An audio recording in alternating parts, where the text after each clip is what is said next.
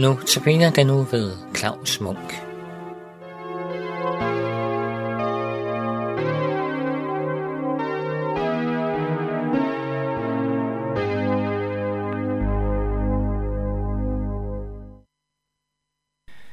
I denne uges notabene-andagter ønsker jeg at komme ind på nogle af de steder i Bibelen, som har været mig til særlig hjælp i en svær tid. I dag vil jeg komme ind på, hvordan tre vers i salme 87 er blevet mig til hjælp.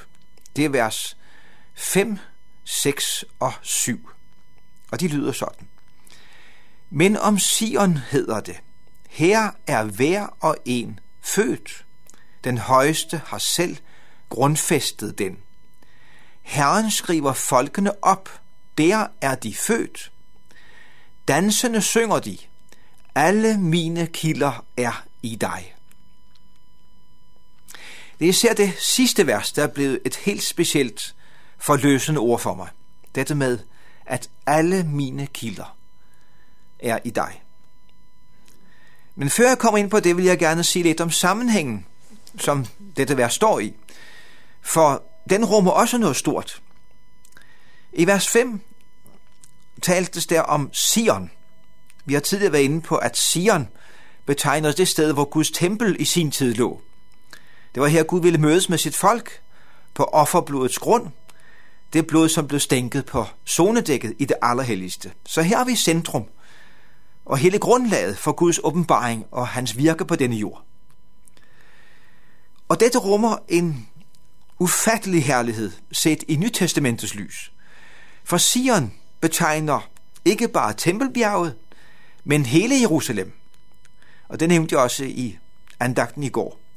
Og dermed betegner det også det sted, vi kalder Golgata, der hvor korset stod. Det kors, hvorpå Gud selv lod sig klynge op som en forbryder. Tænk, han, den anden person i Gud, som vi kender under navnet Jesus, hang der som en forbandelse, ramt af den Guds vrede, som du og jeg havde pådraget os og fortjent at blive ramt af. Men Gud lod vreden ramme ham selv. Så når vi læste om Sion, Herren skriver folkene op, der, altså i Sion og Jerusalem, er de født, så har det i virkeligheden med Jesus at gøre. Folkene, og det vil jo blandt andet sige dig og mig, er skrevet op her – på korset, så at sige. Eller sagt mere direkte, i Jesu frelsesværk. Der er vi skrevet op i, i Guds øjne, i Guds plan. Og der fødes vi, siger ordet, på ny. Dette er sandt om dig og mig, når vi tager vores tilflugt til Jesus som vores frelser. Så har vi indfødsret på Sion. Og vi kan også sige, at vi har borgerrettigheder i Guds rige.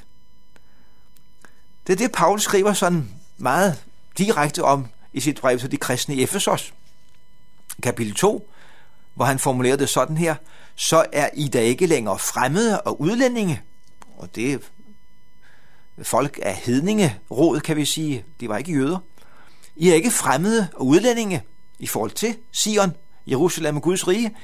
Nej, I er de helliges medborgere og hører til Guds husstand. Borger i Jerusalem, den nye Jerusalem, det er noget stort og rigt at blive stille for. Og så kommer vi til det, der altså har været særligt forløsende for mig. Vers 7. Dansende synger de. Alle mine kilder er i dig. Jeg er blevet klar over, at der findes ikke så meget som en eneste dråbe livets vand i mig. Ikke en eneste dråbe Guds liv. Og det er jo ikke så godt med tanke på evigheden og Guds dom. Og så alligevel, så behøver jeg ikke fortvivle. Nej, for jeg kan for Jesus skyld få lov til at være med i den flok, som jeg lige læste om. Dansende synger de. Alle mine kilder er i dig. Det er ikke fortvivlende, at jeg har måttet erkende, at jeg ikke har nogen livskilde i mig selv.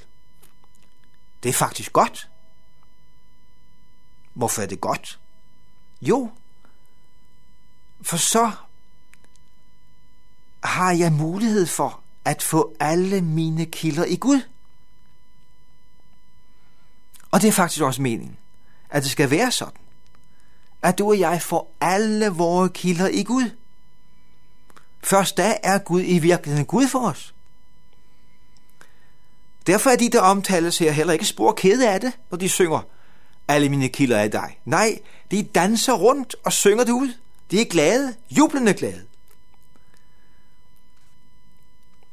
Dette med at have sine kilder i Gud selv, det passer så fint med, hvad Jesus også selv har sagt ved en lejlighed netop på tempelpladsen i Jerusalem. Der råbte han det ud.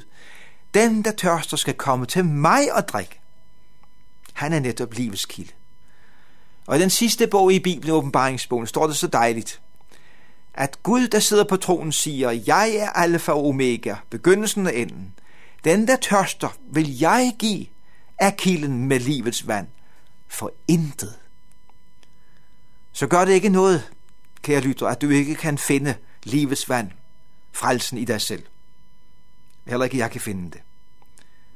Det er faktisk godt, at det ikke lykkes for os. For så kan Gud blive vort livs kilde. Han, som siger dette her selv. Kom og drik af kilden med livets vand. For intet